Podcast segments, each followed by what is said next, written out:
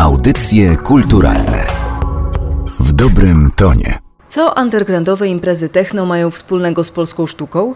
Okazuje się, że całkiem sporo. W kulturę rave w latach 90. mocno zaangażowali się artyści wizualni, a obraz był w niej równie ważny jak taniec i muzyka.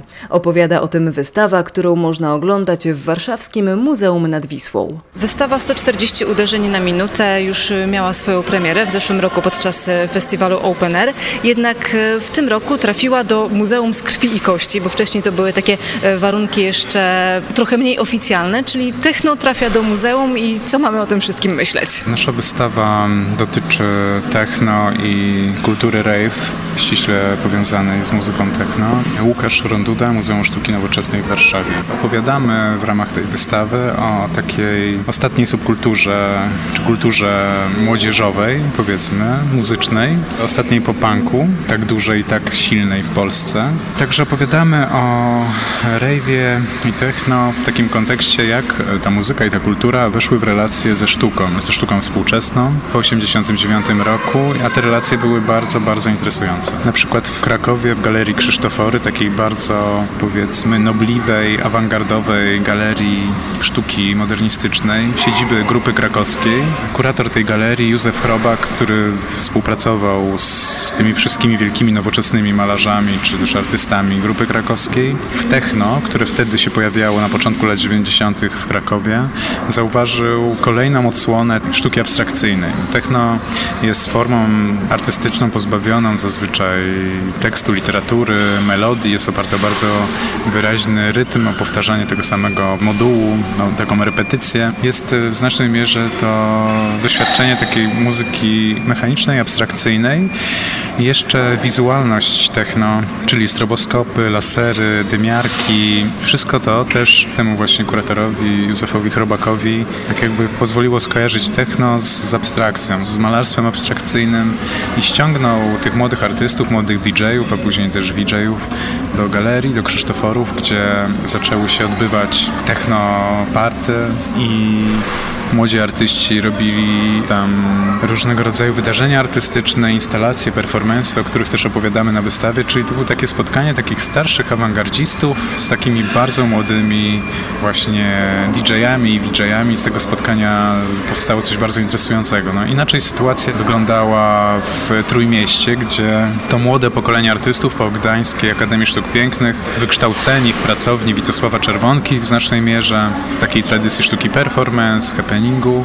Artyści tacy jak właśnie Piotr Wyżykowski czy Mikołaj Jurkowski, skupieni w grupie CUKT, Centralny Urząd Kultury Technicznej, zaczęli prowadzić takie miejsce, które się nazywało Forty i oni tam organizowali imprezy techno rave jako swoje takie wydarzenia performatywne, wydarzenia artystyczne, związane właśnie z ich taką wizją estetyki, powiedzmy, relacyjnej, sztuki partycypacyjnej że zarazem były to imprezy rave, a zarazem jakieś działania polityczne, społeczne.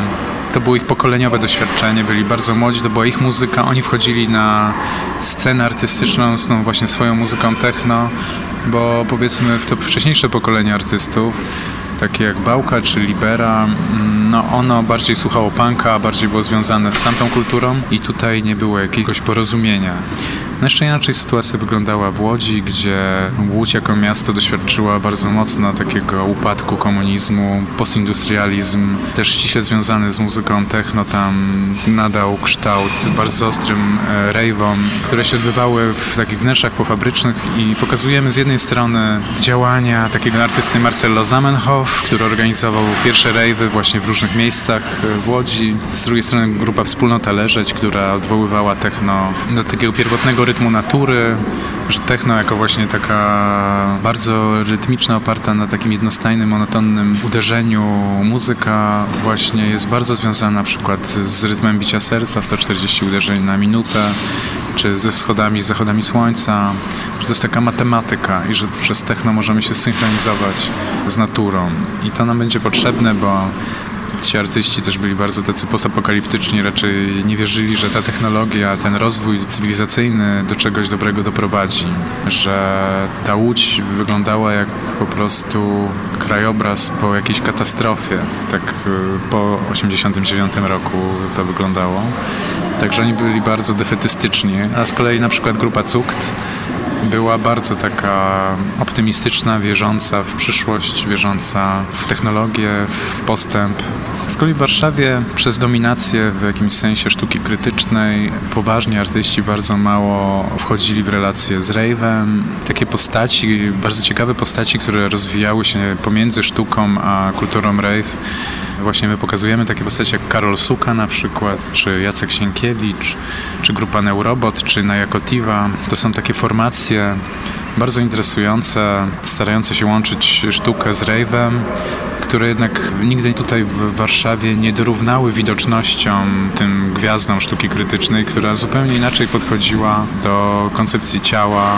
Ciało w sztuce krytycznej było właśnie takie cierpiące, umierające, niepełnosprawne a w rejwie było raczej witalne, doświadczające przyjemności, działające, mogące sprawcze. Także opowiadamy de facto o tych czterech ośrodkach, gdzie najciekawsze były to relacje pomiędzy sztuką a rave'em. Nasza wystawa nie dotyczy historii techno czy rave'u, tak w ogóle, tylko po prostu tego rozdziału właśnie, kiedy ta muzyka wchodziła w relację ze sztuką. Ale wciąż można spróbować na tej wystawie w kilku miejscach y, po prostu potańczyć. Mamy wielu widzów, którzy się automatycznie uruchamiają przy niektórych pracach i tańczą, co nas bardzo cieszy. Tutaj też trzeba podkreślić, że to są takie prace w znacznej mierze popowe.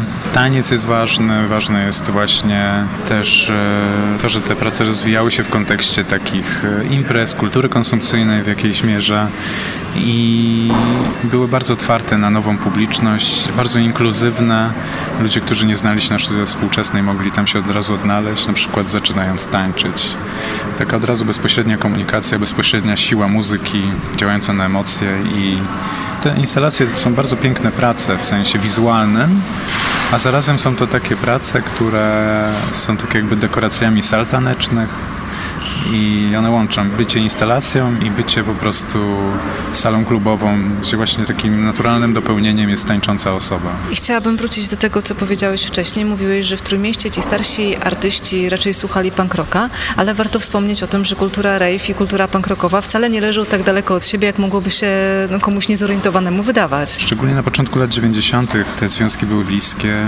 My opowiadamy historię właśnie Karola Suki, który wspólnie ze Skandalem, wokalistą Deserter przechodził od punka do techno, wtedy kiedy punk się stawał taki w jakimś sensie mainstreamowy po 1989 roku, kiedy on wszedł w te główne rozgłośnie, w czasopisma muzyczne. Techno wtedy było taką muzyką dość zaniedbywaną przez główne rozgłośnie, głównych dziennikarzy muzycznych przez też wydawnictwa płytowe i przez to też było ono pociągające dla ludzi, którzy widzieli właśnie w muzyce taką wieczną alternatywę, tak jak właśnie Skandal czy Karol Suka, którzy weszli w techno, widząc tam taki kontrkulturowy potencjał, który punk w jakimś sensie stracił, bo bardzo mocno wszedł w mainstream po 1989 roku.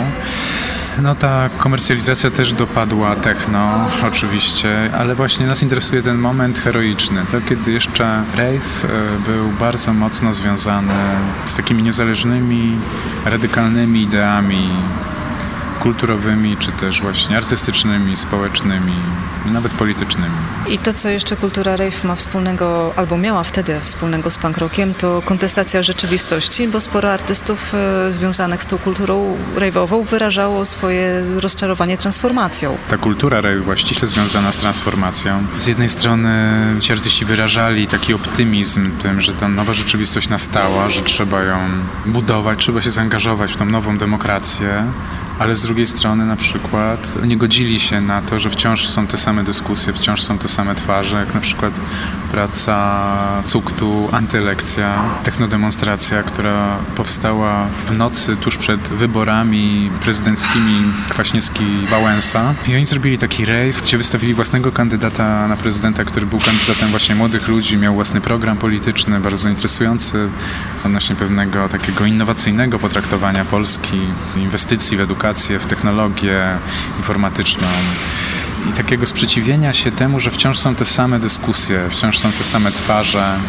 Takie rozczarowanie tą młodą Polską tamtego czasu, że oni chcieli jakiejś nowej siły. Tego kontestowali w jakimś sensie te wybory wtedy. I wystawili własną kandydatkę pięć lat później, Wiktorię Cukt. Wystawa eksploruje przede wszystkim to, jak ta kultura wyglądała w latach 90., ale jest tutaj jedna praca, która jest zupełnie współczesna, to projekt Manieczki. To jest projekt Gregora Różańskiego, który bardzo jako młody artysta jest zafascynowany latami 90., też techno, kulturą rave z tamtego czasu. Właśnie to była kultura, która nie była tak doskonale zsynchronizowana z globalnymi trendami w tej muzyce, jak to jest teraz, tylko właśnie miała taką specyfikę e, polskiej transformacji, taką specyficzną niedoskonałość. To jego bardzo fascynuje. Bardzo go fascynuje, jak techno, tak jakby odrzucone w pewnym sensie przez mainstream polskiej krytyki muzycznej, czy też inteligencji, w znacznej mierze wylądowało na wsi, w wiejskich dyskotekach, takich jak Manieczki na przykład. I tam się rozwijało w bardzo ciekawy sposób, równolegle do disco polo, będąc takim znakiem takiej nowoczesności na wsi, taką też abstrakcyjną formą muzyczną, która też bardzo była atrakcyjna dla prowincji, gdzie też właśnie raczej te wszystkie inne kultury muzyczne oparte na słowie, na tekście, no mniej się asymilowały, a techno właśnie przez swoją abstrakcyjność, takie skupienie na ciele, brak tekstu, przez taką nowoczesność też w wymiarze takim formalnym, bardzo mocno się zadomowiło na polskiej wsi. I, no i też wygenerowało bardzo dużo ciekawych fenomenów. Znaczy tak jakby pokazujemy ten samochód tuningowany, przerobiony z Volkswagena, połączony z jakimiś drzwiami z Lamborghini, podświetlany, z zamontowanym głośnikiem że to była taka jeżdżąca kula dyskotekowa, grająca i świecąca. Pokazujemy tą kreatywność ludzi z prowincji, którzy bardzo ciekawie tworzyli, dawali wyraz własnej kreatywności.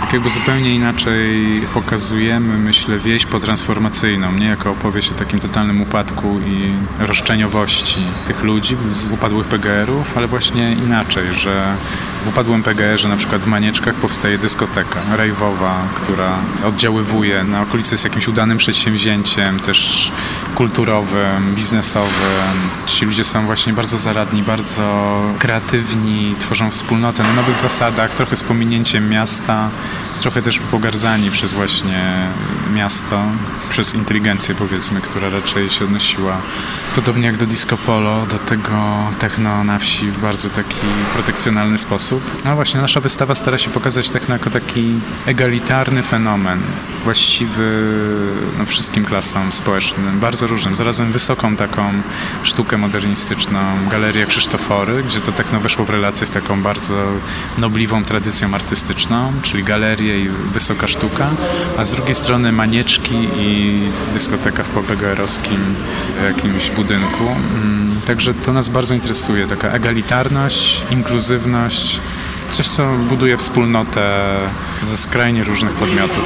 A jak się ma ta kultura z lat 90. Y, do tej, która funkcjonuje teraz? No bo to, że ona funkcjonuje, to wiadomo, a pytam w kontekście mema z Eminemem, który krąży po internecie, czyli na początku lat 2000 Eminem śpiewał Nobody Listens to Techno, minęło kilkanaście lat, no nikt nie słucha Eminema, a to techno gdzieś tam jest obecne i to nawet nie w kontekście wieczornych imprez, ale na przykład techno poranków, które odbywają się także w Warszawie. Tak, techno jest bardzo popularne, ale właśnie jest popularne, bo jest ono również popularne na zachodzie Europy. Tak jakby stamtąd przyszła teraz ta popularność techno. My opowiadamy o momencie, w którym to techno przyszło razem z transformacją w latach 90., kiedy to wszystko było takie bardzo swojskie, bardzo specyficzne, bardzo lokalne. I w pewnym momencie to się e, wypaliło. I przez jakiś czas właśnie było tak, jak śpiewał Eminem, że nie było techno w jakimś sensie. Wylądował na prowincji i w wielkich miastach raczej tego nie słuchano na poważnie, ale ostatnio młodzi ludzie przywożą modę na techno, nie wiem, z Berlina, z Amsterdamu. Czyli historia koło zatacza. tak, tak. I już na innych zasadach to jest taka poważna, inteligencka rozrywka. Młodzi, inteligentni ludzie chodzą, słuchają dobrej muzyki, tańczą. Kiedyś właśnie techno było związane z, raczej z takim obciachem, ze wsią, z gangsterką w znacznej mierze i miało takie odium też w prasie. Zresztą nasza wystawa też jakby cierpi od tego odium, bo wciąż wielu dziennikarzy myśli, że to jest coś niepoważnego, że jak się ktoś zajmuje techno, to jak się można zajmować techno? Przecież to jest takie niepoważne. Także my właśnie pokazujemy zupełnie odwrotnie, że to jest bardzo interesujące, bardzo ciekawe artystyczne rzeczy z tego wynikły, ale również takie społeczne i polityczne. Audycje kulturalne w dobrym tonie.